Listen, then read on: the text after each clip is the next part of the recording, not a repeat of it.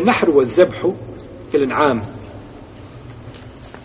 klanje i klanje životinja klanje i klanje stoke klanje nahr je klanje i zebh je klanje međutim postoji razlika islamski učinjaci se slažu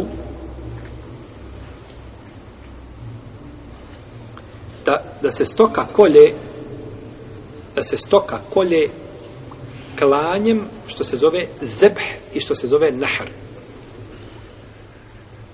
Stoka. Šta je to stoka? Znači ovdje mislimo kada kažemo stoka na deve i na krave. I konj, kako se konj kolje? Vidjet ćemo kako se konj kolje. Spomenut ćemo, nije, iako nije, nije vezano za ovdje za tematiku, nije to auto ništa spomenjeno, međutim, uspućemo spomenuti neke stvari možda koje su koristili. Kada su u pitanju sitna stoka, nju treba klati. Ovce i koze se kolju tako što se položi životinje na koju stranu, na lijevo na desno. A? Na lijevu. Ne može na desno, znači preko ruke. Ne može klati, ali ovako preko, ru, preko ruke da je kolješ. A držiš je ovako, onda je, onda je moraš klati lijevom, ili moraš klati ovako, ili moraš lijevom rukom, ili u redu. Nego se položi na lijevu stranu i okrene se prema kibletu. I kod nje je klanje ispod vrata. Znači. I treba prerezati, jeli, s ono razilaženim među islamskim učenjacima, o svemu tome smo uopšteno govorili u knjizi o kurbanu. Nećemo ulaziti u te detalje, znači. A kada su u pitanju deve, deve se kolju nahar. Nije zebh, nego je nahar. A nahar je klanje u podnožju vrata. Gdje se vrat, znači, zarasta u prsa gdje je brat zarastao prsa, tu, tu, pri samom vratu, tu se ona kolje. Ne kolje se gore kod glave, nego niže. I zato deva prije umre kada se kolje nego ovca. Zato što je blizu srca. Srce i mjesto gdje izlazi krv je jako blizu. I brzo to iziđe sve. Znači, jako brzo nastupa smrt i zato je kod nje nahr, a nije zebh. To je kada su u pitanju deve. I to je bolje i prečivo. A kada su u pitanju krave, dozvoljeno je jedno i drugo. I nehr i zebh. Sim što je zebh bolji. A zebh je klanje gdje? Kod glave. Znači, nahr, kada su u pitanju deve, deve se kolju, znači tamo gdje vrat urasta u, u prsa, iznad prednje nogu, odmah na vratu, znači na kraju, tu se kolje. A zebh klanje je klasično, znači kako se ovce kolju, tako je pohvalno i kravu. Ali krava može na oba dva načina. Ali je bolje zebh, bolje je kod glave. Zato što je uzvišen je Allah u Kur'anu spomenuo klanje krave kod glave. Pa je rekao šta? Jer nije Musa, ali Islam, Musa, ali Islam kaže Inna Allahe je murukum en tezbahu bakara. Allah vam naređuje da nije rekao en tenharu, nego en tezbahu, da bude zebh, da bude gore kod glave, to je klanje, znači kod vrata. To je bolje. Ali ulema isto tako kaže da se može učiniti nahar i jedno i drugo ispravno. Ali ovo bolje. Znači, a konj se isto može klati naharom. Jer kako kaže Esma radi Allah, zaklali smo naharna prsa na lahdi nebi sallam. Zaklali smo sa nahrom. Donji dio, znači prsa, zaklali smo konja u vrijeme poslanika sallallahu alaihi wa sallam. Dalje imamo kada je u pitanju klanje, jele, položi se životinje na lijevu, znači, na lijevu stranu i mogu se svezati noge dvije ili tri, ali jedna da se ostavi slobodna. Jer životinja kada se prekolje, neispravno je ono kada se ovce kolju, neko drži, dvojica drže za prednje noge i dvojica za zadnje i ne daju da se pomira, to je pogrešno. To je paćenje životinje životinja lakše izdahne, lakše istera krvi sebe ako, ako radi, znači ako udara sa nogama.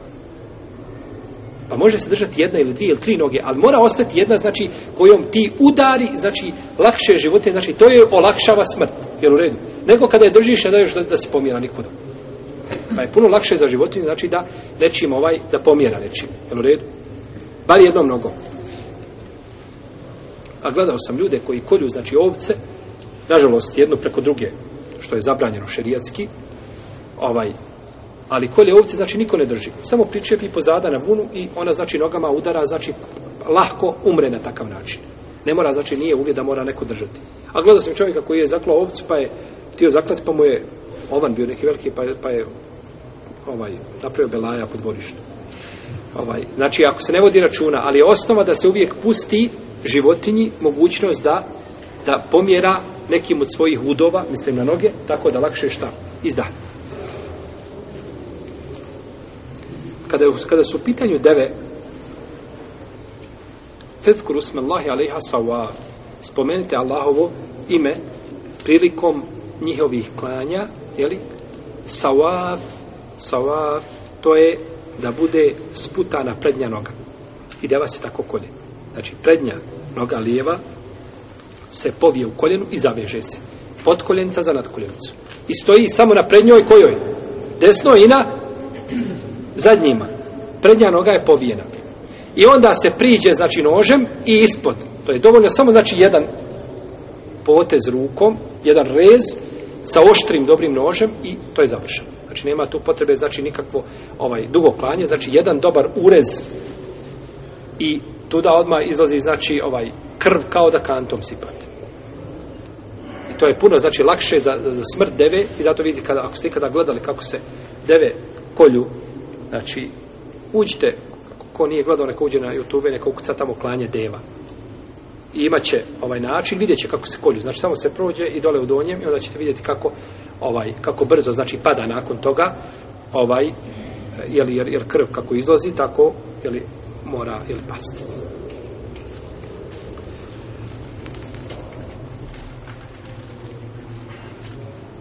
Znači, sunet je da se veže prednja noga.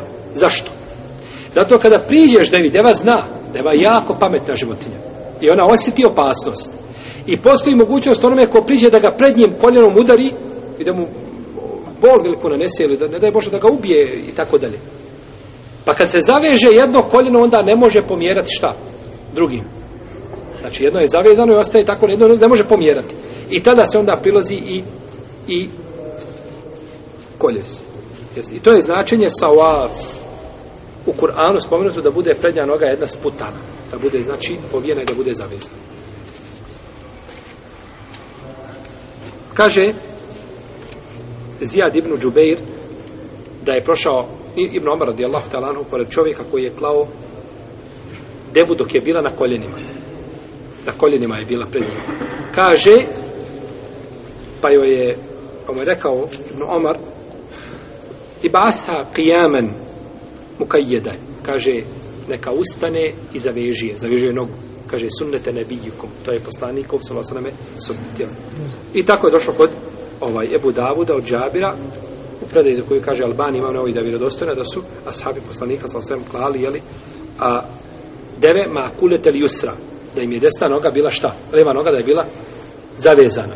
Leva se noga znači zaveže i onda se nakon toga, nakon toga se kolje.